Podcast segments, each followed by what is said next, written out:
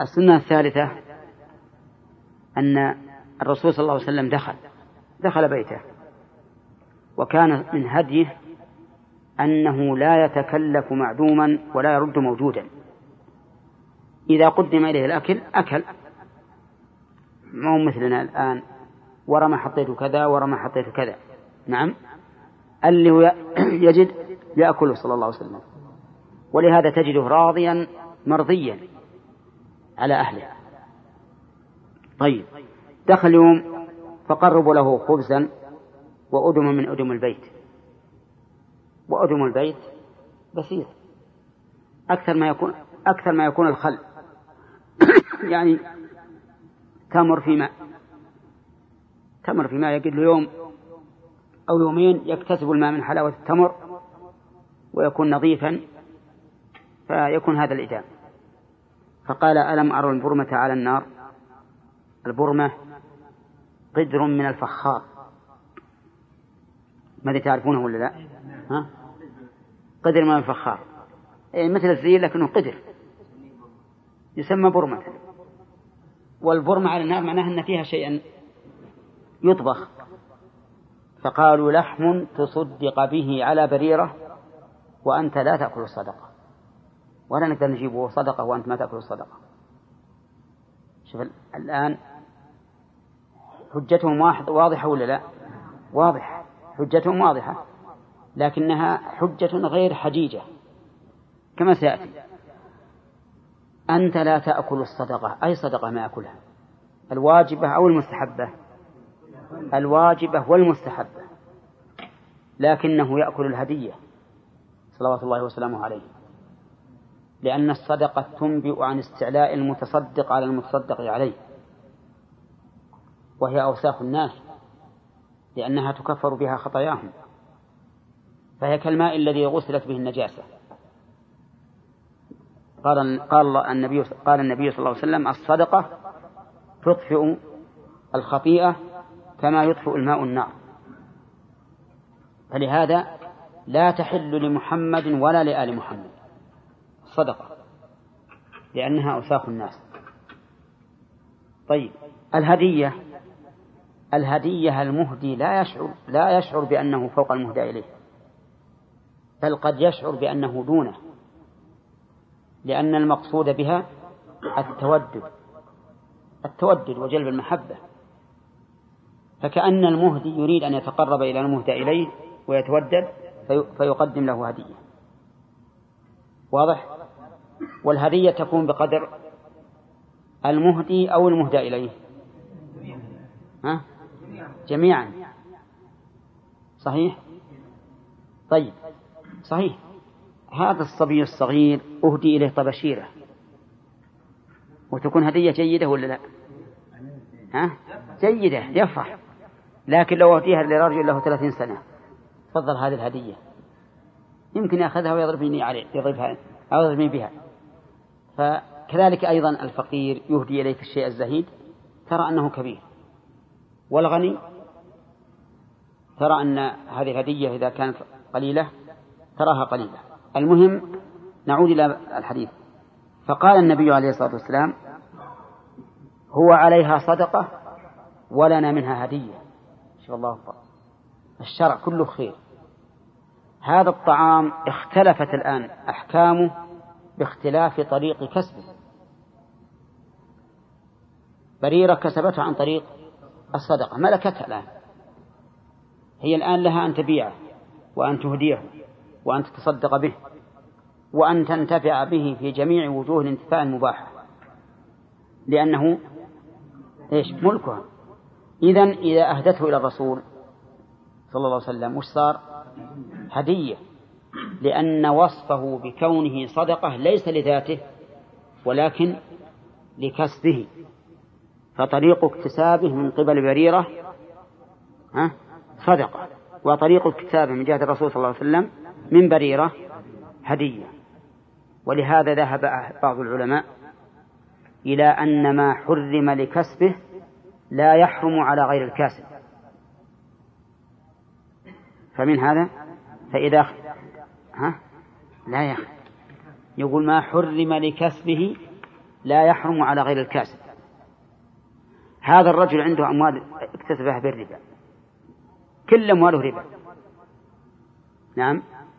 فجئت واشتريت منه حاجة شراء صحيحا شرعيا. حرام علي ولا لا؟ ها؟ يا ناس أمواله ربوية. ها؟ هذا رجل صائغ. يبيع ذهب يبيع الذهب. يبيع بالنسيئة وبالتفاضل. نعم؟ التفاضل والنسيئة ربا. كل كسبه على هذا النحو فجئت واشتريت منه مصاغا أو مصاغا على الأصح بدراهم نقدا. وش تقول بالشراء هذا؟ حلال؟ ليش؟ آه. لأن جهة الاكتساب مختلفة الآن. وهو جهة اكتساب كيف حرام ولا ما هو حرام؟ ما علي منه. لكن أنا معاملتي معه معاملة سليمة. ولهذا اشترى النبي صلى الله عليه وسلم من اليهود. وقبل منهم الهدية. مع أن الله وصفهم بأنهم سماعون للكذب أكالون للسحت وأخاذون للربا. طيب. لو ورث الإنسان مالا ربويا لو ورث مالا ربويا فهل يطيب له؟ بناء على هذه القاعدة يطيب له لأنه أخذه بطريق شرعي. لكن قد يفرق بينه وبين الأول الذي أخذ بعوض بأن الوارث لم يبذل عوضا بخلاف المشتري. فالمشتري ما دخل عليه بدون بدون يعني بدون ثمن بثمن. ولكن الظاهر أن أن الحكم واحد. وأنه ما دام هذا الشيء تحول إلي بطريق مباح فهو مباح لي. أما ما حرم لعينه فهو حرام بكل حال. مثل الخمر. واحد مثلا عنده خمر أهدى إلي خمرا ما يجوز أن أقبله. لو كان نصرانيا أو يهوديا يستبيح الخمر في دينه بزعمه فأنا لا أقبله ولا يحل لي قبوله لو كان هذا المال مسفوقا من شخص أعرف أن هذا هذه البقرة مسروقة من فلان وجاء السارق يبيعها عليه حرام ولا لا؟ ها؟ ليش؟ لأن هذا عينه ما ما يملكها ما يملكها فهذا هو الفرق وقد ذكر شيخ ولشيخ الإسلام ابن تيمية رحمه الله رسالة في العقود المحرمة تعرض فيها لمثل هذه الأمور. المهم أن الرسول صلى الله عليه وسلم قال لنا هدية. إذا قال قائل هل يهدي الإنسان على نفسه من غيره؟ هل يهدي الإنسان على نفسه من غيره؟ لو أخذ منك القلم ومخباته ويقول هذه هدية منك لي. ها؟ أي أي ينظر إلى قرائن الحال. بعض الناس مثلا إذا أخذت منه قلم وقلت هذا هدية منك لي. يفرح. وبعض الناس يمسك يدك ويقول أنت سروق. أنت لص. أعطني قلم. ولا لا؟ إذا بريرة إذا قال الرسول هذا هدية منها لي. ها؟ تفرح ولا لا؟ أنا أعتقد أنه وش فرح يعني نعم تفرح فرحا عظيم. أن الرسول عليه الصلاة والسلام أدل عليها إلى أن إلى أن أخذ المال منها وقال إنه هدية هدية لنا منها. طيب هل أكل الرسول ولا ما أكل؟ ها؟ أكل لأنه ما قال هكذا إلا يريد أن يأتوا به إليه فيأكل. وفي الحديث دليل على جواز استمتاع الإنسان بالمآكل الطيبة. ها؟ ولا لا؟ لأن الرسول طلب أن يأكل من اللحم. نعم.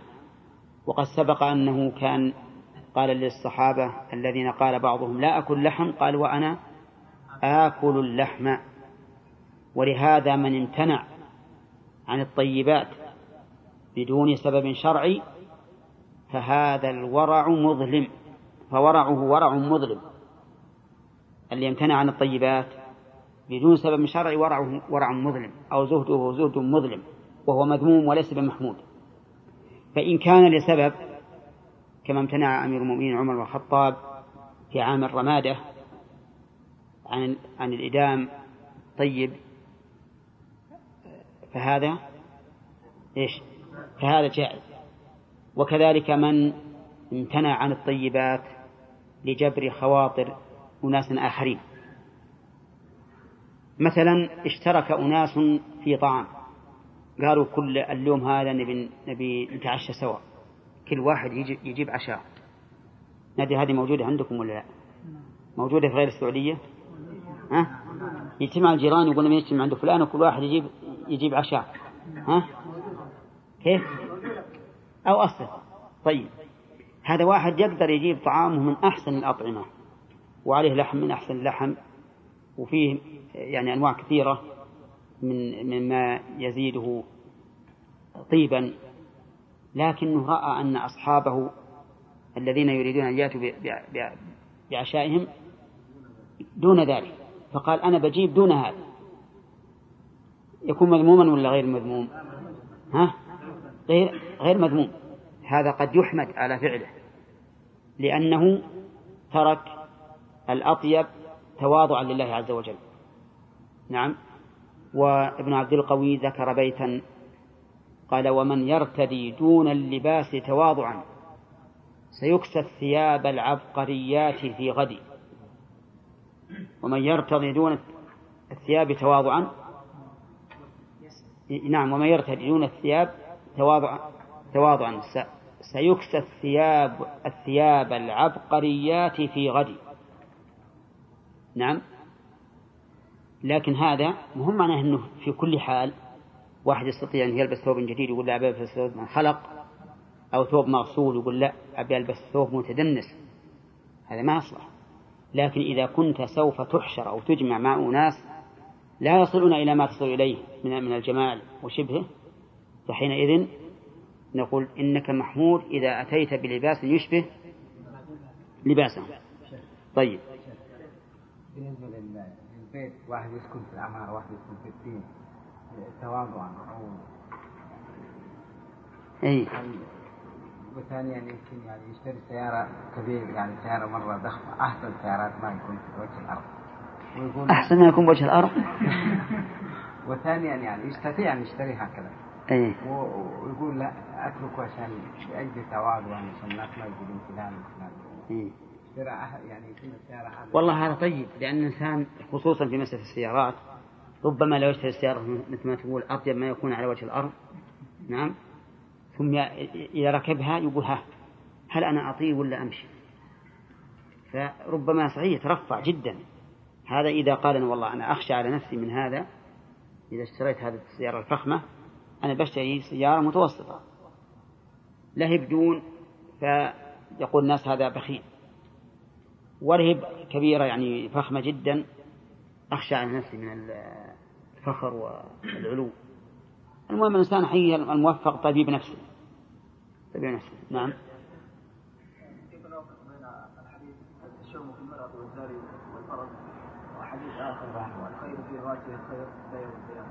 اي ما ما ما بين ما بين تعارض. الرسول يقول إن كان الشوم. ها؟ نعم نعم الخير في نوسي الخير لكن الرسول ذكر أن الخير لثلاثة رجل أيضا. هي على رجل على رجل وزر. هذا هو. فالإنسان الذي الذي يجعلها في سبيل الله ففي نوصي الخير. واللي يجعل الفخر والخيلاء فهي وزر عليه. نعم. رجل يشتغل مع رجل يتعامل بالربا. وهذا ما حل راتبه من هذا الرجل؟ يعني يأخذ راتبه؟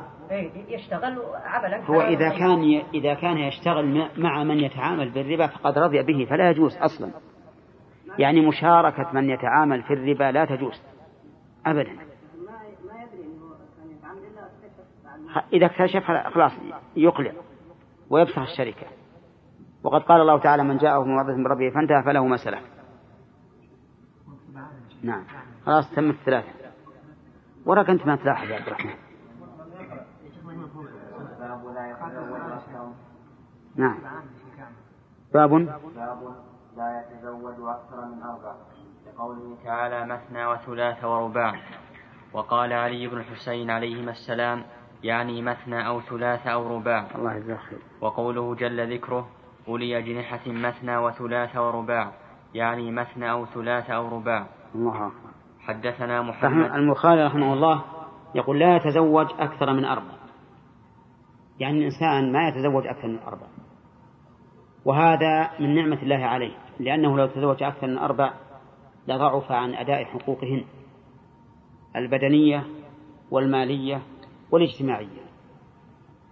وأبيح له الأربع لأنه قد يحتاج إلى هذا. عادة النساء في الحيض كم؟ الغالب ستة أيام أو سبعة ربع الشهر. علشان هذا ما يفوته شيء من الشهر إلا ويجد من يستمتع به. إذا كان هذه تحيض أول الشهر والثاني في الأسبوع الثاني والثالث في الأسبوع الثالث والرابع في الأسبوع الرابع. ما ما يفوت شيء من الاستمتاع في أي وقت من الشهر. بقوله تعالى مثنى وثلاث ورباع. فإن خفتم ألا وإن خفتم ألا تقسطوا في اليتامى فانكحوا ما طاب لكم من النساء مثنى وثلاث ورباع. فقوله مثنى وثلاث ورباع في مقام أو في السياق الذي فيه بيان أعلى ما يحل من من النساء. لأنه إذا عدل عن اليتيمة خوفا من أن يقسط أن لا يقسط عليها أو خاف من أن لا يقسط فيها فبين الله له. بين الله له أعلى ما يمكن أن يستمتع به من أجل أن يستغني عن اليتامى ولهذا لم يذكر الواحدة بل بدأ بالتثنية مثنى وثلاث ورباع فلو كان هناك شيء زائد على ذلك لقال خماس وسداس وسباع إلى آخره وهذه الصيغة معناها كمعنى قوله تعالى جاعل الملائكة رسلا أولي أجنحة مثنى وثلاث ورباع. يعني أنهم أنواع. بعضهم له جناحان وبعضهم له ثلاثة وبعضهم له أربعة وبعضهم له أكثر. جبريل كان له ستمائة جناح. وليس المعنى مثنى يعني اثنتين وثلاث خمس وأربع تسع كما قالت الرافضة. الروافض يقولون إن الله أباح للإنسان أن يتزوج تسعا. نعم. فقال مثنى وثلاث ورباع. ولا شك أن أنهم جديرون بهذا الفهم. ليش؟ لأنهم عجم. والعجم لا يفهمون كلام العرب كما يفهمه الإنسان العربي. وليس في الأسلوب العربي مثل هذا الأسلوب يراد به التسع أبدا. لو كان يراد به التسع لكان هذا تطويلا بلا فائدة. إذ يغني عن مثنى وثلاثة ورباع تسعة كلمة واحدة مع الوضوح والبيان. ولهذا قال العلماء لو قال الرجل عندي رجل ورجل بدل عندي رجلان لكان هذا عيا في الكلام واسلوبا غير بليغ. بدل من يقول رجل ورجل يقول رجلان ولهذا لما قال الشاعر إن الرزية لا رزية مثلها فقدان مثل محمد ومحمد. قالوا هذا لولا أن لكل واحد منهما منقبة. أراد أن يشير إليه الشارع الشاعر لكان قوله هذا مجانبا للفصاحة. لو كان مجرد لو كان يريد مجرد استعداد لكان هذا مجانبا للفصاحة لكنه يريد أن يشير إلى أن كل واحد منهما له مزايا ومناقب عظيمة استحق أن يذكر بها بعينه. فهنا نقول هذا الأسلوب لا يمكن في اللغة العربية أن يأتي مثله والمراد به منتهى العدد مع تركيب هذه الكلمات بعضها إلى بعض. أبدا. ولكن المراد التنويع. يعني مثنى أو ثلاث أو رباع. ولهذا أتى البخاري رحمه الله ليلقم الرافضة حجرا. أتى بهذا الأثر عن علي بن الحسين. بن أبي طالب وهو إمام من أئمة من من, من أئمة أهل البيت. أتى بهذا التفسير لا قال يعني مثنى أو ثلاث أو رباع. مثنى أو ثلاث أو رباع. أي إنسان يدعي أنه يوالي أهل البيت؟ فإنه لا بد أن يخضع لتفسيرهم لأن آل البيت قبل تغير اللسان هم أفصح العرب. وأفصح آل البيت من؟ محمد صلى الله عليه وسلم. فإذا إذا كان علي بن الحسين رضي الله عنهما يقول إن المراد به مثنى أو ثلاثة أو رباع فكان لزاما على من يرى أنه إمام أن يتبع قوله لأنه إمام. والإمام لا بد أن يكون متبوعا. فعلى هذا نقول إن إن المراد بالآية الكريمة التنويع يعني مثنى إن أردتم اثنتين وثلاث إن أردتم ثلاثا ورباع إن أردتم أربعا. أما أن يقال المثنى يعني اثنتين وثلاثة خمسة وأربعة تسعة. فهذا لا يمكن أن ينطق به القرآن الذي هو أفصح الكلام. فإن قلت أفلا يرشح هذا أن يقويه أن الرسول صلى الله عليه وسلم مات عن تسع من النساء. وقد قال الله تعالى لقد كان لكم في رسول الله أسوة حسنة لمن كان يرجو الله واليوم الآخر. فالجواب أن نقول لو كان الاستدلال بهذا الحديث لكان الاستدلال به أولى من الاستدلال بالآية لأن الآية ليس فيها أبدا ما يدل على أن أنه يجوز لنا أن نتزوج تسعا نعم هذا الحديث بمقتضى أن لنا في الرسول صلى الله عليه وسلم إسوة. قد يقتضي أنه يحل لنا أن نتزوج تسعا من النساء لأن الرسول صلى الله عليه وسلم مات عن تسع. والجواب على ذلك أن لدينا أحاديث عن رسول الله صلى الله عليه وسلم تدل على أن الرجل لا يتزوج أكثر من أربع وأن التسع من خصائص النبي صلى الله عليه وسلم كما خصه الله بأن يتزوج المرأة بالهبة بدون مهر وبدون ولي وبدون شهود. وخصه الله عز وجل بإباحة ترك القسم على قول لبعض أهل العلم أنه لا يجب عليه القسم بين النساء وأنه له أن لا يعدل وأن عدله بينهن عليه الصلاة والسلام من باب التطوع والفضل. وليس من باب الواجب. واستدلوا بقوله تعالى ترجي من تشاء منهن وتؤوي إليك من تشاء ومن ابتغيت ممن عزلت فلا جناح عليك. على كل حال خص الرسول بأشياء النكاح لم لا تكن لم تكن لغيره وهذا من خصائصه. وقد أسلم غيلان الثقفي وكان معه عشر نسوة. فقال النبي صلى الله عليه وسلم اختر منهن أربعا وفارق البواقي. اختر منهن أربعا وفارق البواقي. وهذا نص واضح لأن الرجل حتى لو كان عنده أكثر من أربعة في الكفر فإنه يجبر على أن يختار أربعا ويفارق البواقي. طيب هذا الرجل عنده ثمان نسوة أسلم الآن وعنده ثمان نسوة. قلنا اختر أربعة قال رقم واحد طالب ورقم واحد اثنين طالب. ورقم ثلاثة طالب ورقم أربعة طالب. والباقي لي. وش نقول؟ نقول اخترت الأربعة اللي انطلقت ولا اخترت الباقيات؟ اختار المطلقات. والثانيات الآن انفسخ نكاحه. والمطلقات طلقا. ها؟ ورجع بدون شيء. فاهمين ولا لا؟ ها؟ رجل. رجل أسلم أسلم ومعه ثمان نسوة. ثمان نسوة تبتدي برقم واحد وتنتهي برقم ثمانية. قلنا له الآن اختر أربعا وإذا اخترت أربعا انفسخ نكاح الأربع الباقيات. إذا اختار أربع انفسخ نكاح الأربع الثانيات. فقال إنني الآن مطلق رقم واحد واثنين وثلاثة وأربعة. والباقي لي؟ رقم خمسة ستة سبعة ثمانية.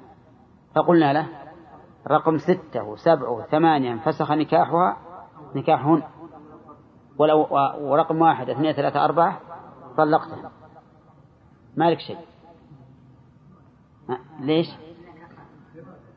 يراجع إن كان إن كان يمكن المراجعة لكن قد لا يمكن المراجعة تكون هذه آخر ثلاث تطليقات.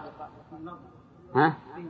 لأنهم يقولون إنه إذا طلقهن فالطلاق فرع عن الاختيار.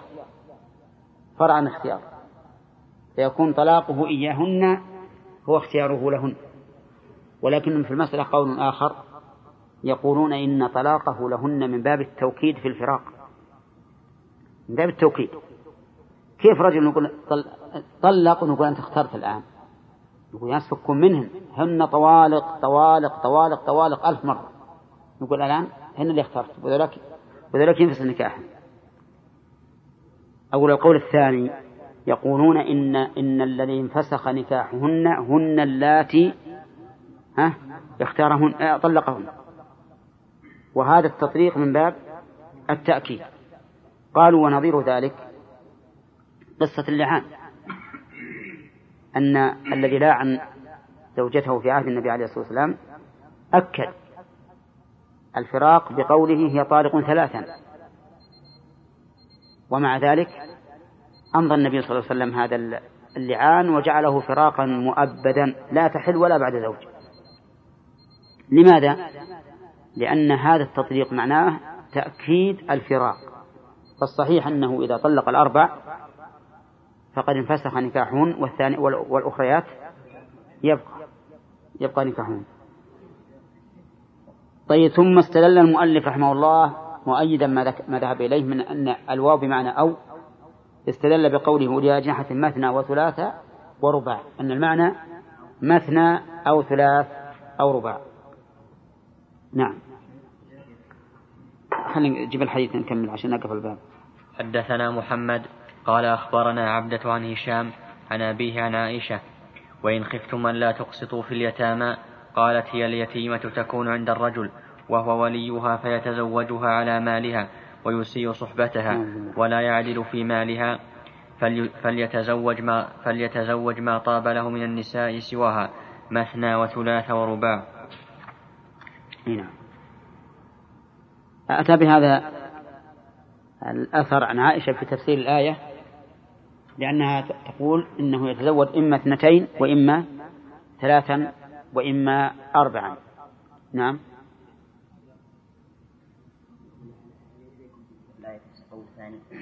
أن أن أن قول مثنى وثلاث ورباع حال اجتماعهن وفراقهن في العقد. يعني يجوز يزوج الإنسان ثلاث يعني يجوز الإنسان يزوج اثنتين وثلاث اثنتين جميع في عقد. نعم في عقد واحد ومتفرقات هذا داخل في العموم. داخل في العموم. لا نقول آية يعني سيقت لهذا لا هذا يقول نفس الشيء. يقول مثنى وثلاثة وأربعة يتزوج تسع في عقد. نعم.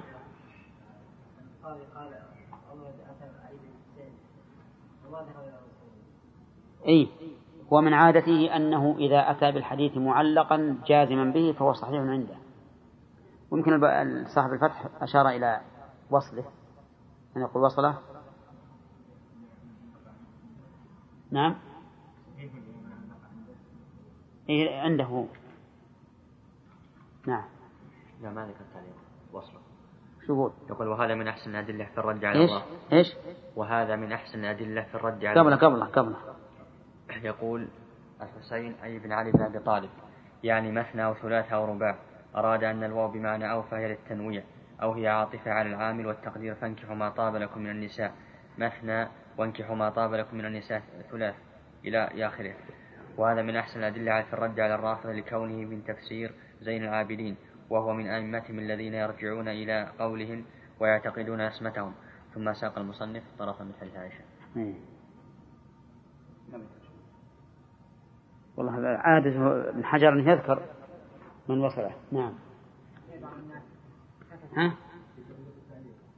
يمكن أجل تراجع من محمد نعم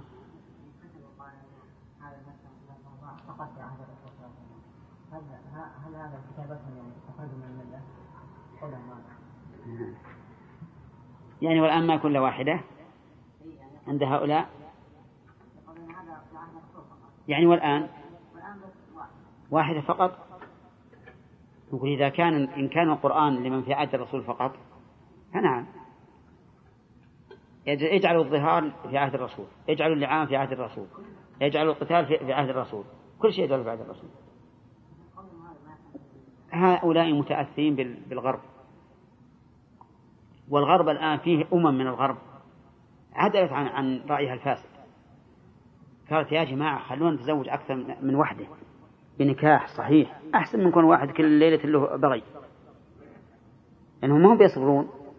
ما هم صابرين عن التعدد قال بدل ما أتزوج أروح كل ليلة عند امرأة. بغاء وزنا والعياذ بالله. أيهن أحسن؟ ها؟ الزواج.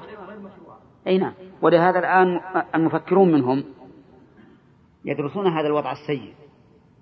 ويقول لابد أن نرجع إلى إلى إباحة الطلاق من جهة لأنهم إذا قالوا لا تزوجون أكثر من واحدة ولا تطلقون.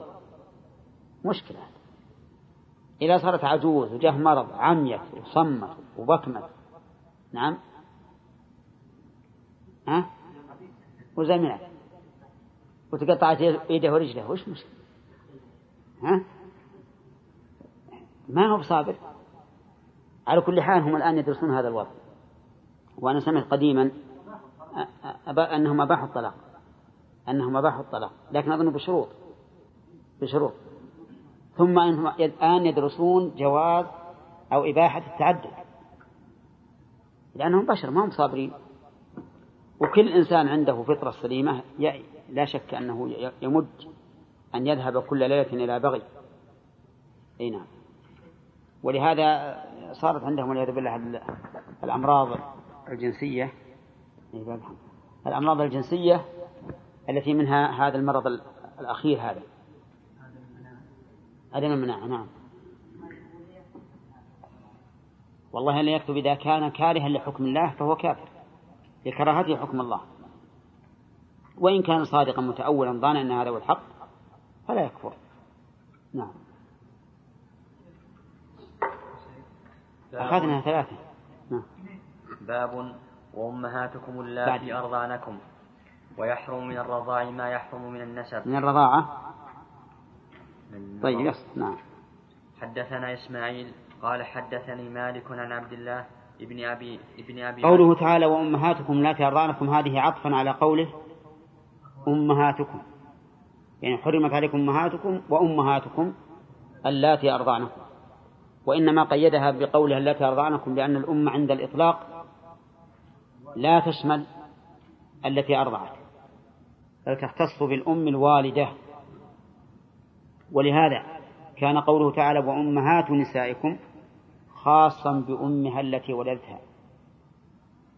نعم. كما قال الله تعالى إن أمهاتهم إلا اللائي ولدنهم. فالأم عند الإطلاق ما تشمل أم الرضاع. طيب. هنا قال اللاتي أرضعنكم وأطلق الرضاع. فيقتضي أن الرضعة الواحدة محرمة. وإلى هذا ذهبت الظاهرية وقالوا إن الرضاع محرم ولو كان رضعة واحدة ولو كان في حال الكبر. لعموم الآية. فإذا أرضعت امرأة رجلا أكبر منها صار ولدا لها من الرضاع ترى هذه ما أدري هل يلتزمون بها أم لا. لأن هذه الحقيقة عكس الأم عادة تكون أكبر من من الولد. لكن على كل حال هم يرون أن رضاع الكبير كرضاع الصغير. وأن رضاع الواحدة كالرضعات المتعددة لأن الآية مطلقة. طيب ولكن القول الصحيح أنها أي الآية المطلقة هذه مقيدة بما ثبت بالسنة وهو أنه لا تحرم المصة ولا المصتان وإنما يحرم خمس رضعات خمس رضعات وأن تكون أيضا في زمن الإرضاع. في زمن الإرضاع طيب. وقول المؤلف يحرم من الرضاع ما يحرم النسب هذا لفظ حديث ثبت في الصحيحين وغيرهم. يحرم من الرضاع ما يحرم من النسب نعم. حدثنا إسماعيل قال حدثني مالك عن عبد الله ابن أبي بكر عن عمرة بنت عبد الرحمن أن عائشة زوج النبي صلى الله عليه وسلم أخبرتها أن رسول الله صلى الله عليه وسلم كان عندها وأنها سمعت صوت رجل يستأذن في بيت حفصة. قالت فقلت يا رسول الله هذا رجل يستأذن في بيتك. فقال النبي صلى الله عليه وسلم أراه فلانا لعم حفصة من الرضاعة. قالت عائشة لو كان, لو كان فلان حيا لعمها من الرضاعة دخل علي. فقال نعم الرضاعة تحرم ما تحرم الولادة. وحدثنا مسدد قال حدثنا يحيى عن شعبة عن قتادة عن جابر عن جابر بن زيد عن ابن عباس قال كان كان للنبي قيل. قيل للنبي صلى الله عليه وسلم ألا تتزوج ابنة ابنة حمزة؟ قال إنها ابنة أخي من الرضاعة. وقال بشر بن عمر حدثنا شعبة. حمزة ابن عم الرسول صلى الله عليه وسلم فهو عمه وأخوه من الرضاعة. هنا. وقال بشر بن عمر حدثنا شعبة قال سمعت قتادة قال قال سمعت قتادة قال سمعت جابر بن زيد مثله. وحدثنا الحكم. أتى هنا بالتحديث من قتادة لإزالة وهم التدريس. وقد مر علينا قبل ذلك أن كل حديث عن عنه قتادة في الصحيحين فهو متصل. دينا نعم. حدثنا الحكم بن نافع قال أخبرنا شعيب عن الزهري قال أخبرني عروة بن الزبير أن زينب ابنة أبي سلمة أخبرت أن أم سل أن أم حبيبة أن أم حبيبة بنت أبي سفيان أخبرتها أنها قالت أنها قالت يا رسول الله انكح انكح أختي من أختي بنت أبي سفيان. فقال أو تحبين ذلك؟ فقلت نعم لست لي لست لك بمخلية. وأحب من شاركني في وأحب من شاركني في خير أختي. فقال النبي صلى الله عليه وسلم إن ذلك لا يحل لي. قالت فإنا نحدث أنك تريد أن تنكح بنت أبي سلمة. قال بنت أم سلمة. قلت بنت, بنت. قال بنت أم سلمة. قلت نعم. فقال لو أنها لم تكن ربيبتي في حجري ما حلت لي. إنها إنها لابنة أخي من الرضاعة. أرضعتني وأبا سلمة ثويبة. فلا فلا تعرض فلا تعرضن علي بناتكن ولا أخواتكن. قال عروة وثويبة مولاة لأبي لهب وكان أبو لهب أعتقها فأرضعت النبي صلى الله عليه وسلم. فلما مات أبو لهب أبو لهب أريها بعض أريه بعض أهله بشر حيبة. قال له ماذا لقيت؟ قال أبو لهب لم ألق بعدكم غير أني سقيت في هذه بعتاقة ثويبة. الله أكبر سبحان الله. طيب أولا هذا الحديث فيه عبر. أولا سؤال هذه المرة المرأة أن يكون لها ضرة ومن أقاربها. لماذا؟ للخير الذي يحصل لها بكونها تحت النبي صلى الله عليه وسلم. هذه أم سلمة رضي الله عنها بل أم حبيبة. قالت يا رسول الله انكح أختي بنت أبي سفيان. فتعجب النبي عليه الصلاة والسلام. كيف تطلب أن ينكح أختها فتكون ضرة لها؟ ولهذا قال أو تحبين ذلك؟ قالت نعم.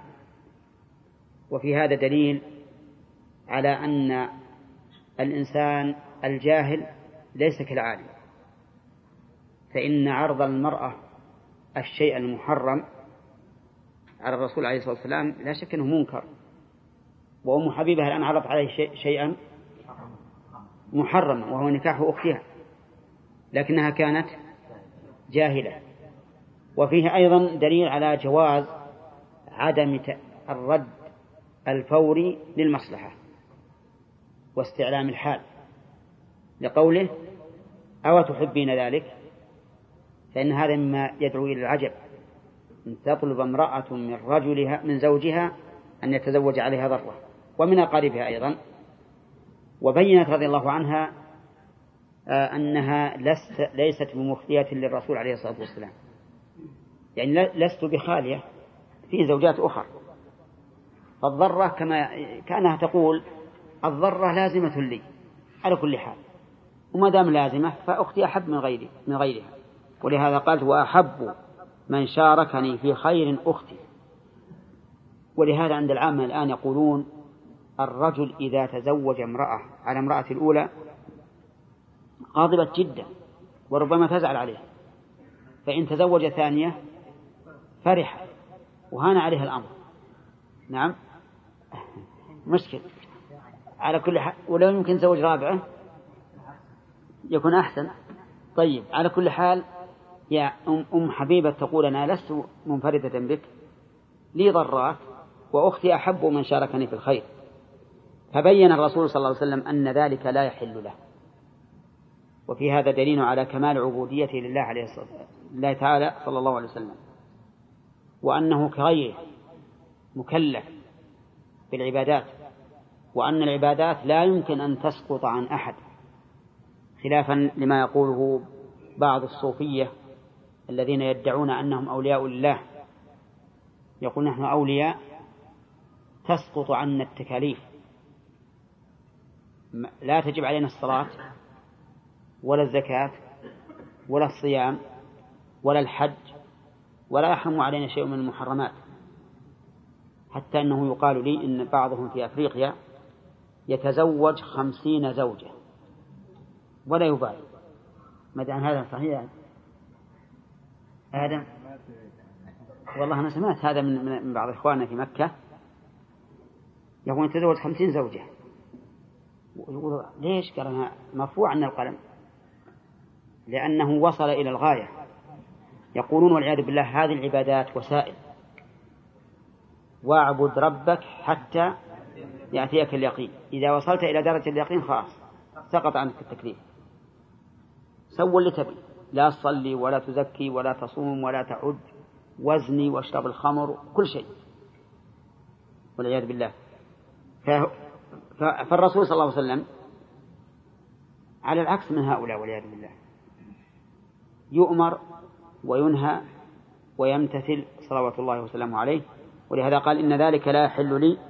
قلت فإنا نحدث أنك تريد أن تنكح بنت أبي سلمة. قال بنت أبي سلمة بنت أم سلمة؟ قلت نعم. قال إنها لو أنها لم تكن ربيبتي في حجر ما حلت لي.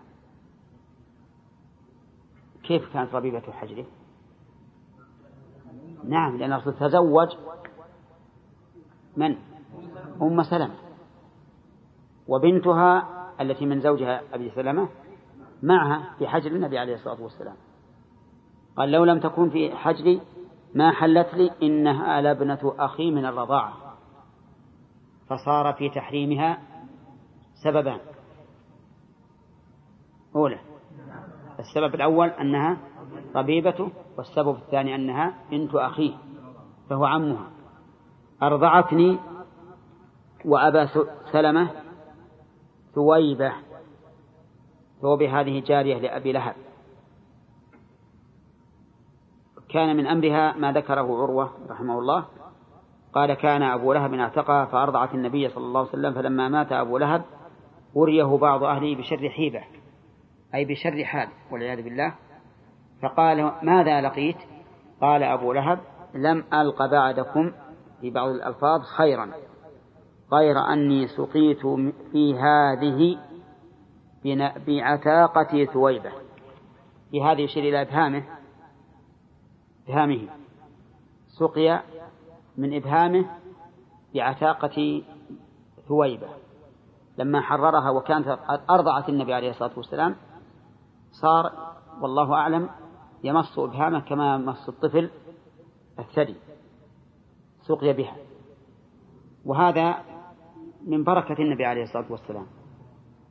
وإلا فإنه أي أبا لهب لا يستحق أن يسقى.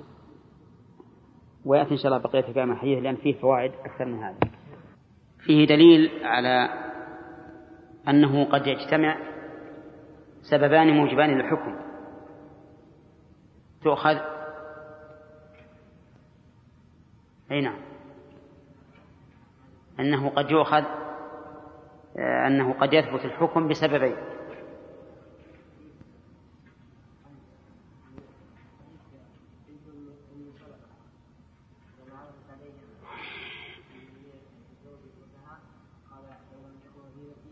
لا ما عرف عليه لكن قيل أن إنه سيأخذها سيتزوجها.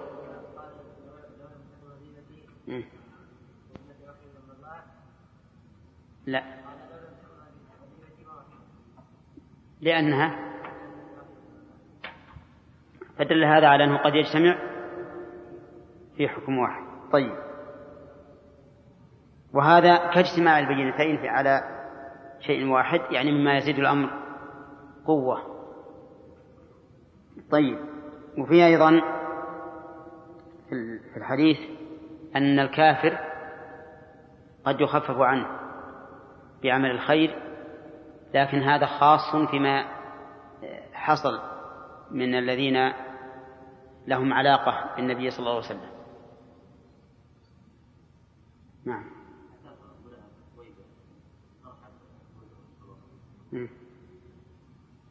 سقيا في هذا طيب هذه الإشارة قالوا إن إن هذه فيه نقرة تحت الإبهام هنا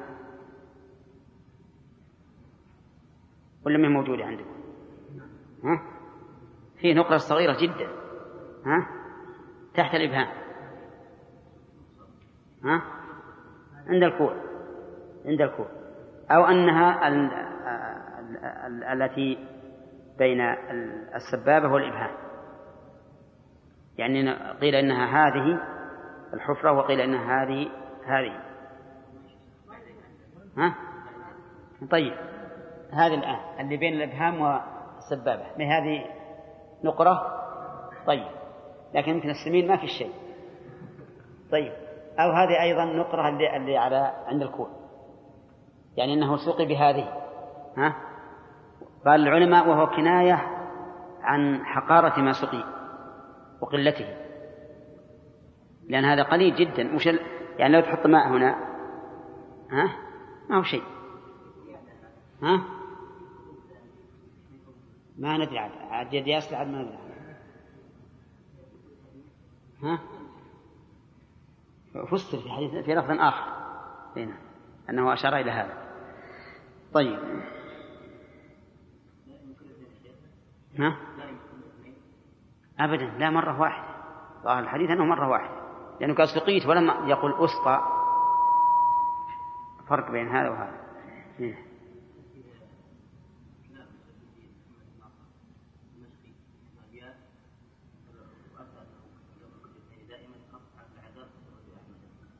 أي لا ما هو صحيح. ما هو صحيح. نعم. نبدأ الدرس الجديد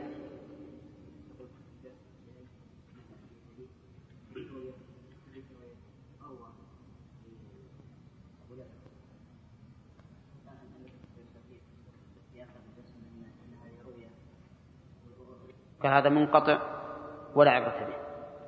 ولكن الصحيح أن هذا ممكن. هذا أبو لهب خفف عنه مع أنه كافر. نعم. نعم. اي نعم. تعتبر. نعم. بسم الله الرحمن الرحيم. الحمد لله والصلاة والسلام على رسول الله. قال رحمه الله تعالى باب من قال لا رضاع بعد بعد حولين. لقوله تعالى حولين كاملين لمن أراد أن يتم الرضاعة وما يحرم من قليل الرضاع وكثيره. حدثنا أبو الوليد قال حدثنا شعبة عن الأشعث عن أبيه عن مسروق عن عائشة رضي الله عنها أن النبي صلى الله عليه وسلم دخل عليها وعندها رجل فكأنه تغير وجهه كأنه كره ذلك فقالت إنه أخي فقال انظرن من إخوانكن فإنما الرضاعة من المجاعة. هذا الباب تضمن ترجمتين. الأولى لا رضاع من قال لا رضاع بعد حولين. من قال لا رضاع بعد حولين. وهذه الترجمة تشير إلى أن هناك قولا لأهل العلم أن الرضاعة مؤثر بعد الحولين. وهو كذلك. الثانية الترجمة الثانية وما وما وما يحرم من قليل الرضاع وكثيره. في هذه الترجمة أفاد أن الرضاع محرم كما أفاده الحديث الذي سبق أنه يحرم من الرضاعة أو الرضاعة تحرم ما تحرم الولادة. فيثبت بالتحريم من أحكام النسب أربعة أحكام فقط. أربعة أحكام فقط.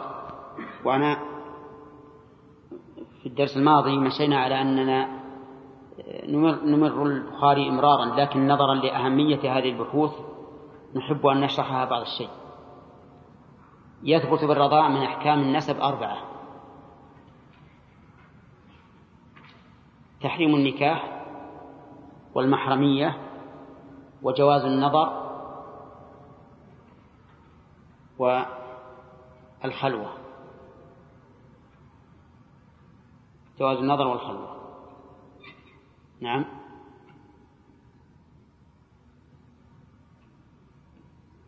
هذه أربعة أشياء. تحريم النكاح.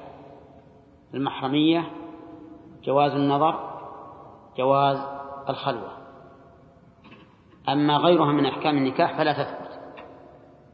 كالإرث والنفقات والصلة وغيرها فإنها لا تثبت بالرضاع. ما يثبت إلا هذه الأحكام الأربعة فقط. ثانيا من قال لا رضاع بعد الحولين وهذا هو المشهور عند أكثر أهل العلم أنه لا رضاع بعد الحولين. يعني أن الرضاع بعد الحولين لا يؤثر. ولو رضع مئة مرة. واستدلوا بالحديث الآتي رحمك الله. إنما الرضاعة من المجاعة. إنما الرضاعة من المجاعة. يعني لا تكون الرضاعة رضاعة إلا إذا كانت من المجاعة يعني أنها واقية واقية من المجاعة تقي من المجاعة وتنفع الطفل. ويجوع إذا فقدها لأنه لا يأكل هذا معنى من المجاعة. ولحديث لا رضاع إلا ما أنشز العظم وكان قبل الفطام. فما بعد ذلك فلا أثر له. وهذه المسألة اختلف فيها أهل العلم على ثلاثة أقوال. القول الأول أنه لا رضاع بعد الحولين أو الفطام. القول الثاني أن الرضاع مؤثر مطلقا. هكذا يا بخاري. القول الثالث أنه مؤثر عند الحاجة. فهذه أقوال ثلاثة أما الذين قالوا إنه لا يؤثر إلا ما كان قبل الحولين وقبل الفطام فاستدلوا بهذا الحديث الذي أشرنا الذي أشار إليه البخاري. إنما الرضاعة من المجاعة. وبالحديث الذي أخرجه أهل السنن لا رضاع إلا ما أنشد العظم وكان قبل الفطام. وبأن النبي صلى الله عليه وسلم قال إياكم والدخول على النساء. قالوا يا رسول الله أرأيت الحمو؟ قال الحمو الموت. ولو كان الرضاع أو أي رضاع الكبير محرما لكان الرضاع مزيلا لهذا الأمر. ولقال النبي عليه الصلاة والسلام الحمو إيش؟ يرضى. أي نعم. فهذه ثلاثة أدلة. والقول الثاني أن الرضاعة مؤثر مطلقا. سواء كان الراضع صغيرا أو كبيرا لحاجة أو لغير حاجة. وهذا مذهب أهل الظاهر واستدلوا لهذا بالإطلاق إطلاق الآية. أمهاتكم اللاتي أرضعنكم وإطلاق الحديث الرضاعة تحرم ما تحرم الولادة. ولكن هذا القول آه، ليس له دليل في الواقع. لأن استدلالهم بالمطلق مع وجود المقيد استدلال لا وجه له. إذ أن الكل متفقون على أنه إذا وجد مطلق ومقيد ها تقيد المطلق به.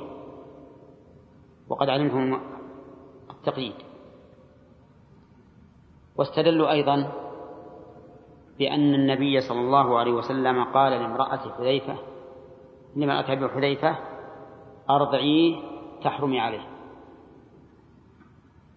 وكانت قد شكت إليه أن سالما مولى أبي حذيفة الذي كان قد تبناه أبو حذيفة يدخل عليهم كثيرا.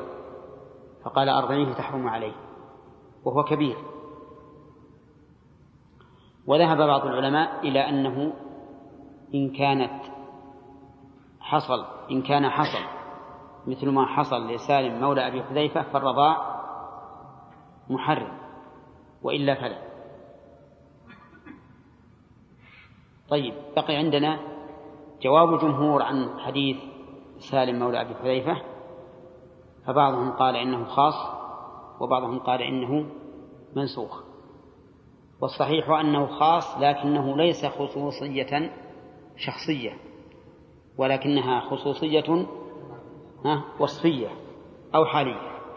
فمن كان في مثل حال سالم فإن إرضاعه يصح ويؤثر ومن لم يكن كذلك فإنه لا يؤثر فيه الرضاع. وهذا القول هو الصحيح الذي تجتمع به الأدلة. وحال سالم في وقتنا الحاضر ها متعذر لأنه ما لا, لا يمكن أن يوجد ابن ابن تبني يكون لأهل البيت كلبن ويشق يشق عليهم التحرز منه. هذا غير موجود غير موجود. طيب بقي علينا. هل أحكام الرضاع تنتشر إلى أقارب المرضع والمرضعة وصاحب اللبن أم ماذا؟ نقول عندنا أولا نبدأ بصاحب اللبن صاحب اللبن له أصول وفروع وحواشي والمرضعة لها أصول وفروع وحواشي والمرتضع له أصول وفروع وحواشي كم ذولي؟ ها تسعة. هؤلاء تسعة. طيب. صاحب اللبن ينتشر أثر الرضاع إليه وإلى أصوله وفروعه وحواشيه. كانتشار النسب. فمثلا أبو صاحب اللبن جد للرضيع. جد للرضيع المرتضع. وأخو صاحب اللبن ها عم له. وابن أخيه ابن عم. كذا؟ طيب.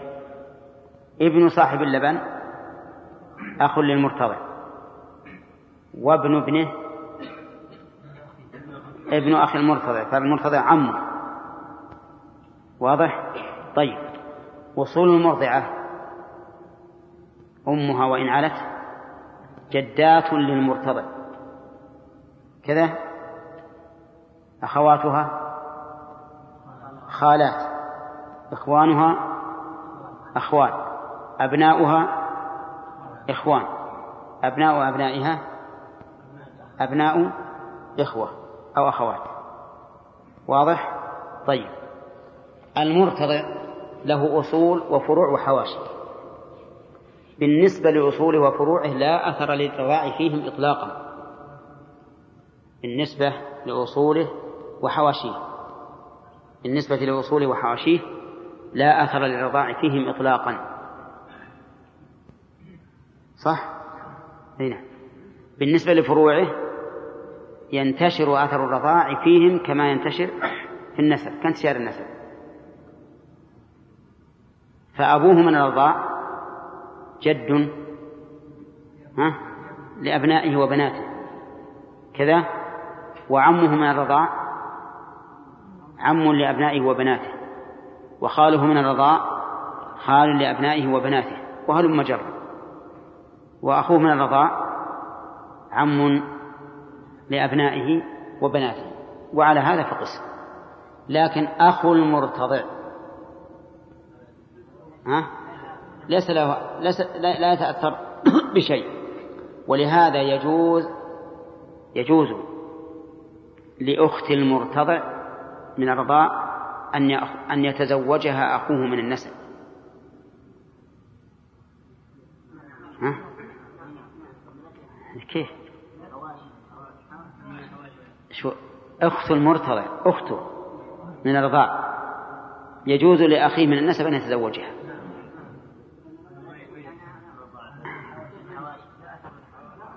فكر يا أخوان.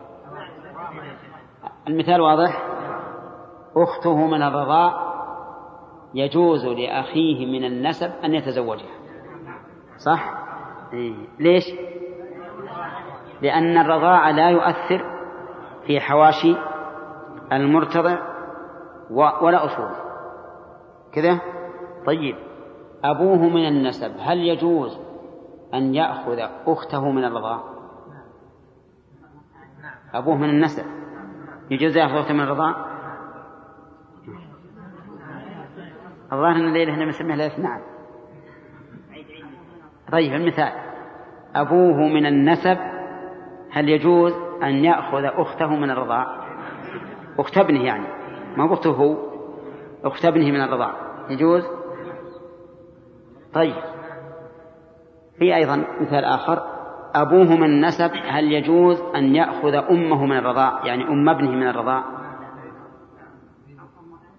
أم ابنه من الرضاع.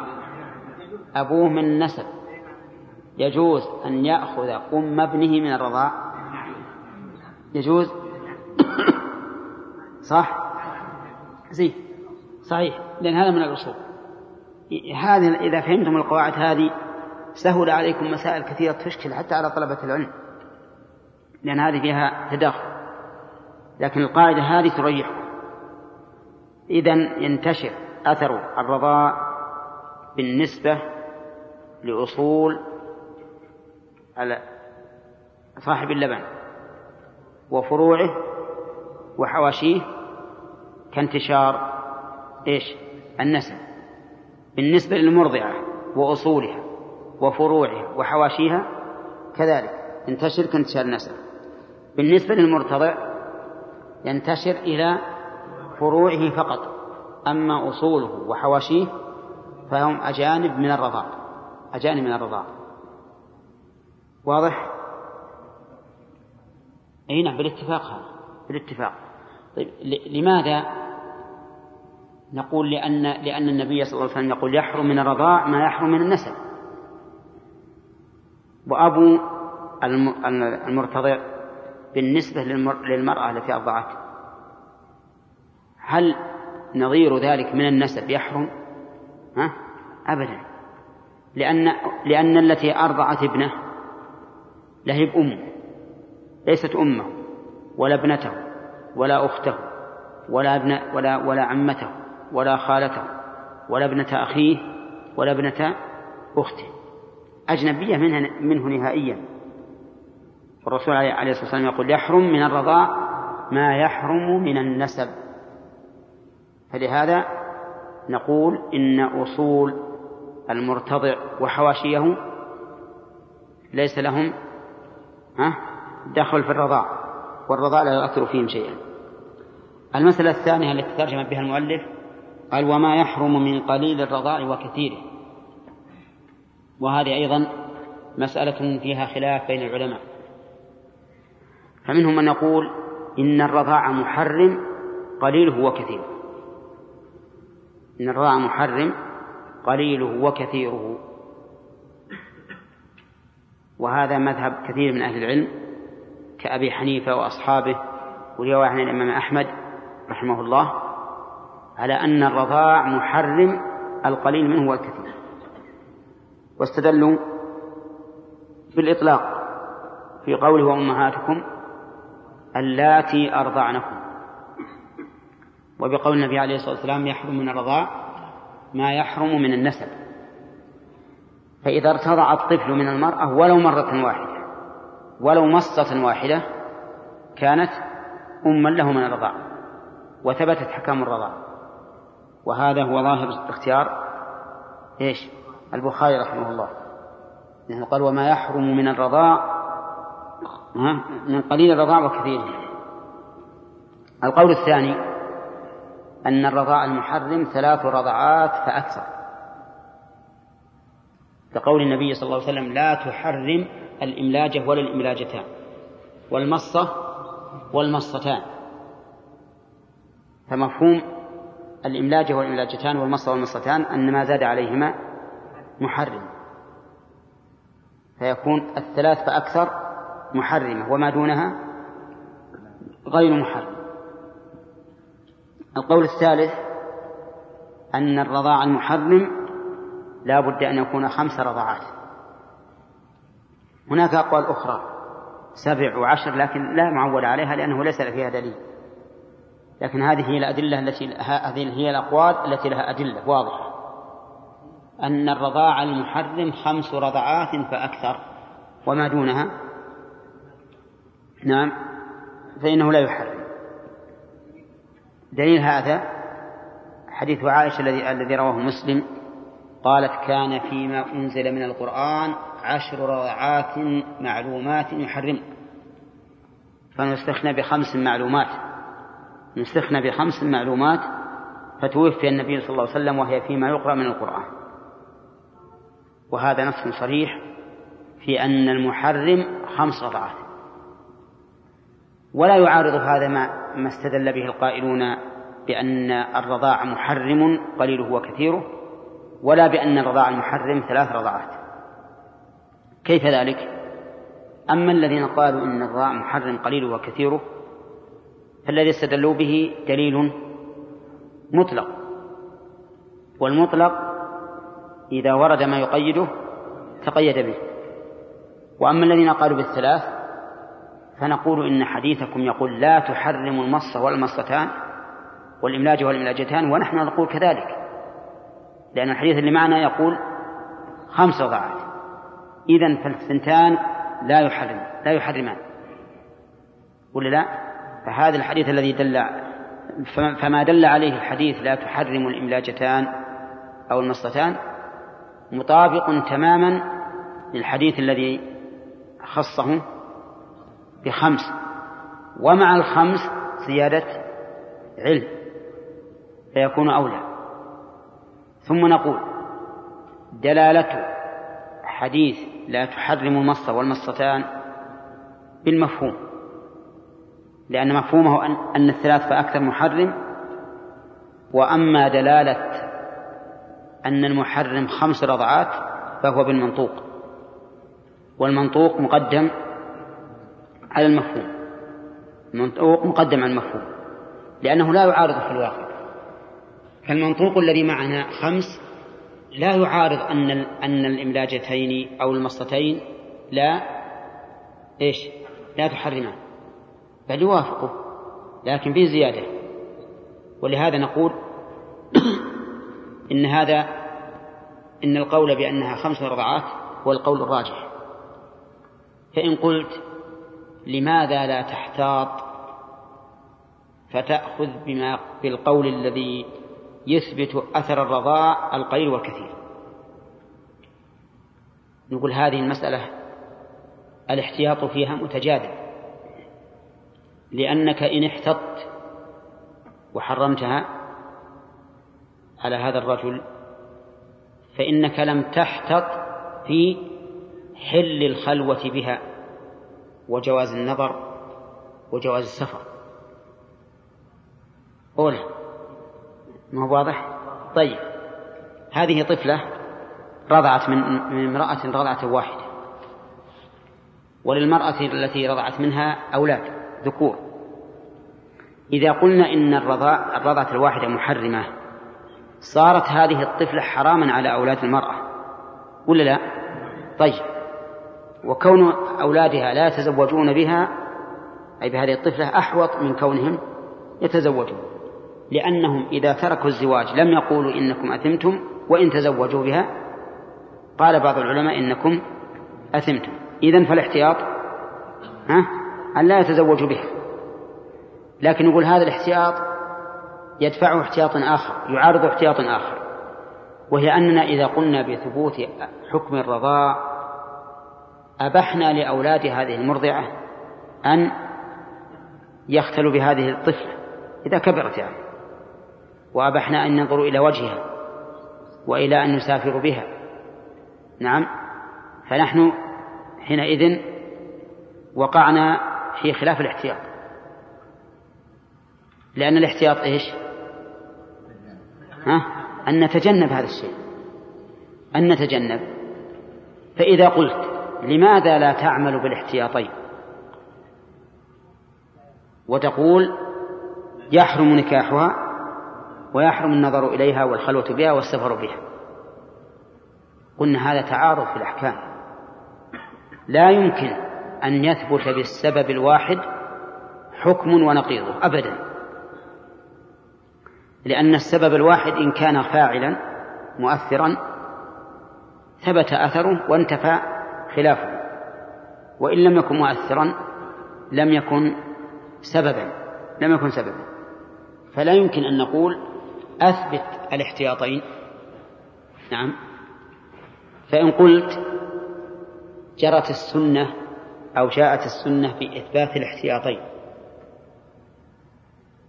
وذلك في قصة عبد بن زمعة. عبد بن زمعة فإنه تخاصم فيه سعد بن أبي وقاص وعبد بن زمعة. تخاصم في غلام. تخاصم في غلام. فقال سعد بن أبي وقاص يا رسول الله إن هذا الغلام من أخي عتبة عهد به إلي. وقال عبد بن زمعة يا رسول الله هذا الغلام ولد على فراش أبي من وليدته. لأن عتبة بن أبي وقاص في الجاهلية كان قد انتهك حرمة هذه المرأة فأتت بهذا الولد. فتنازع فيها الآن عبد بن زمعة حجته إيش؟ ها؟ أنه ولد على فراش أبيه من وليدة أبيه أي من جاريته.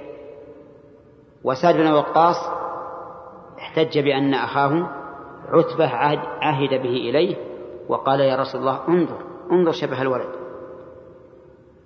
فنظر النبي صلى الله عليه وسلم إلى شبهه فإذا فيه شبه بين بعتبة. واضح. ولكنه قال الولد للفراش وللعاهر الحجر واحتجبي منه يا سودة. احتجبي منه يا سودة. نعم. فهنا أثبت حكم الفراش من جهة ونفى حكمه من جهة. قضى به لعبد بن زمعة لأن لأنه ولد على فراش أبيه. وأمر سودة أن تحتجب منه لأن فيه شبها بينا بعتبة فهذا تعارض. أثبتنا الحكم ونقيضه. فما الجواب عما قلنا قبل قليل إنه لا يمكن إثبات الحكم ونقيضه. الجواب أن السببين هنا مختلفان. سبب أمره لسودة أن تحتجب هو الشبه البين بعتبة وسبب إلحاقه بزمعة الفراش. فالسببان مختلفان. أما أما ما قلنا بالأول فإن السبب واحد وهو الرضاع. فلا يمكن لسبب واحد أن يثبت أو أن يثبت به حكمان مختلفان أبدا. طيب الآن تبين لنا أن الراجح أن المحرم خمس رضعات. نعم معلومات. وجاء في الحديث معلومات لأجل أنه إذا إذا شك في عدد الرضعات ها فالأصل عدمه. إذا شككنا هل رضع خمسا أم أربعا فهي أربع حتى نعلم أنها خمس. طيب إن علمنا أنها ست. ها؟ أي من باب أولى. طيب يبقى عندنا النظر الآن ما هي الرضعة؟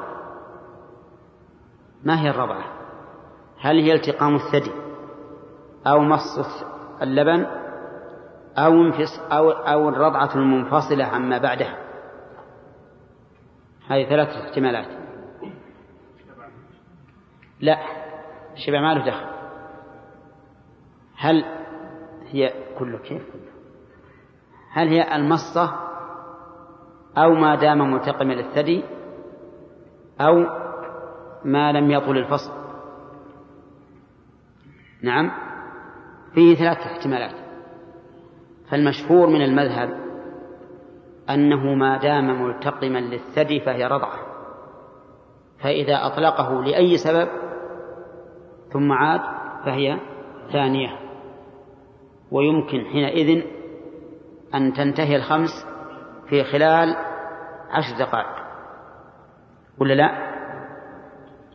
يمكن. حتى لو فرض أن الصبي التقم الثدي ثم سمع زمارة مثلا أو قرقشة فأطلق الثدي ينظر ما هذا ثم عاد ها؟ فهي رضعة فهي رضعة. وقال بعض العلماء بل الرضعة ما كانت منفصلة عن أختها بزمن بين يظهر فيها الانفصال. وهذا اختيار ابن القيم في الهدي وهو أقرب إلى الصواب. وبناء على ذلك فإنه إذا أطلق الثدي إذا أطلق الثدي لسبب ثم عاد مثل أطلقه لبكاء أو لأنه سمع شيئا أو ما أشبه ذلك أو المرأة حولته من ثدي إلى آخر فهذه رضعة واحدة. رضعة واحدة لأنها لأنه ما زال ما زال يرتضع في الواقع. ولو أننا اعتبرنا مجرد التقام الثدي لكان الأولى بالصواب أن نجعل الرضعة هي المصة. لقوله لا تحرم المصة ولا المصتان وأنتم لا تقولون بأن معتبر المص. لو يمص وهو ملتقم الثدي مئة مرة فهي فهي عندهم رضعة واحدة.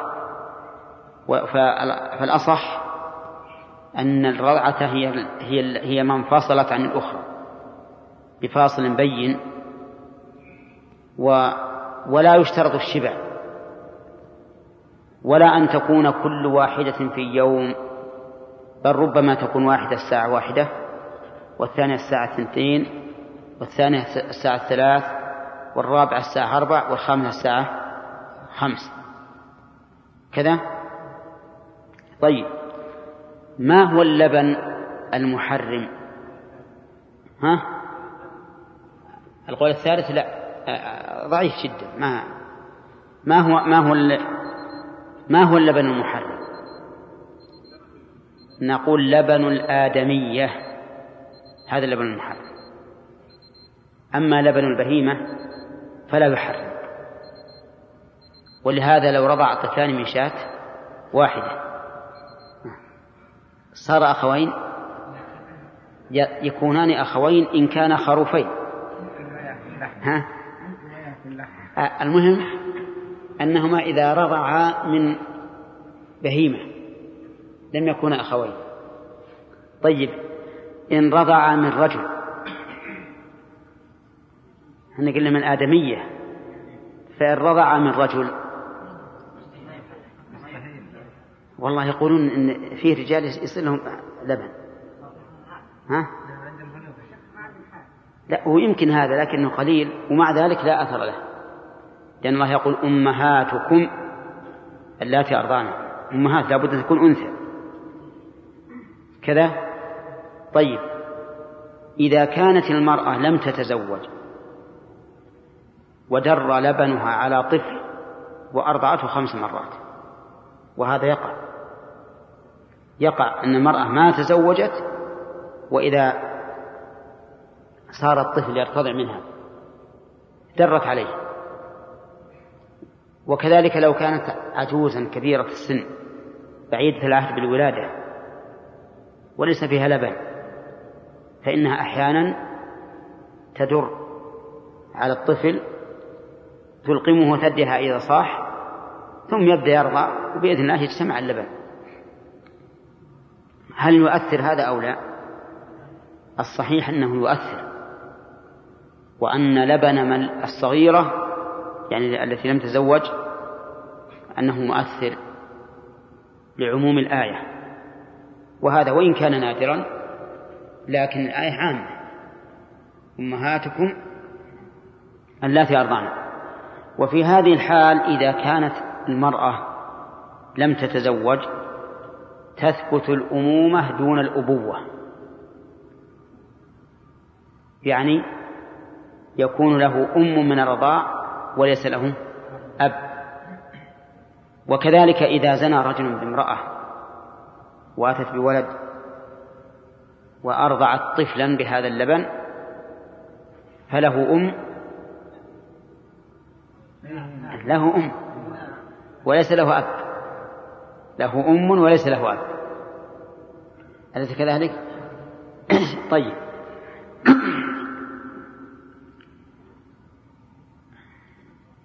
هل يمكن أن تثبت الأبوة في الرضاع دون الأمومة؟ ها؟ يمكن بأن يكون رجل له زوجتان وترضع إحدى الزوجتين هذا الطفل ثلاث مرات وترضعه الأخرى مرتين. فهنا صار زوجهما ها؟ أبا صار زوجهما أبا وهما ليستا أمين. لأن هذه ما أرضعته إلا ثلاثا وهذه أرضعته مرتين فقط. أولى. والعكس ممكن أن يكون له أم بدون بدون أب كالمسألة التي ذكرنا قبل قليل وغير هذه مسائلها كثيرة هذه. هنا نعم. طيب.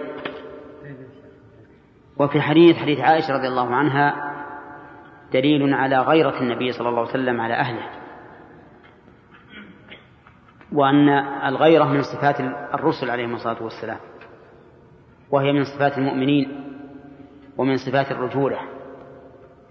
وبه نعرف أن أولئك القوم الذين يأتون بنسائهم إلى الأسواق. فتدخل المرأة على الخياط أو تكلمه وتتكلم بما شاءت وزوجها في السيارة. قد وضع خده على يده إما أن يستمع إلى أغنية وإما أن يفكر فيما يفكر فيه وإما أن يستمع إلى قرآن وإما أن يفكر في مسألة علمية. لكن الثاني والأخير وما قبله بعيد. يعني لا تجد رجلا مؤمنا يمكن أن يجعل امرأته سواء كان زوجة أو غير زوجة تذهب إلى الخياط لتكلم معه ما شاءت وهو جالس في السيارة. هذا ليس عنده غيرة ودينه أيضا ضعيف. والواجب عليه أن ينزل معه أن ينزل معها ويقف وتكون المكالمة بينه وبين الخياط وهو كالمترجم لأهله. هذه هي تمام الغيرة. ولهذا تغير وجه النبي عليه الصلاة والسلام لما رأى هذا الرجل عند عائشة كأنه كره ذلك. وفي قوله عليه الصلاة والسلام انظرن من إخوانكن. ها؟ فيها نسختان. انظرن ما إخوانكن أو من. دليل على أنه يجب التثبت في هذا الأمر. التثبت من أي ناحية؟ التثبت في عين الرضيع وفي عدد الرضاع وفي زمن الرضاع. انتبه. التثبت في عينه عين الرضيع وعدد الرضاع وزمن الرضاع. في عين الرضيع كيف يمكن الشك في عينه؟ يمكن. يكون طفلان كلاهما ارتضع من هذه المرأة أي أحدهما ارتضع من هذه المرأة ولكن لا تعلم أيهما. ما تعلم هل الذي ارتضع زيد ولا عمرو. فيجب أن نتحقق زمن الرضاعة ها أن تكون في المجاعة كما قال فإنما الرضاعة من المجاعة. عدد الرضاع كم؟ خمس.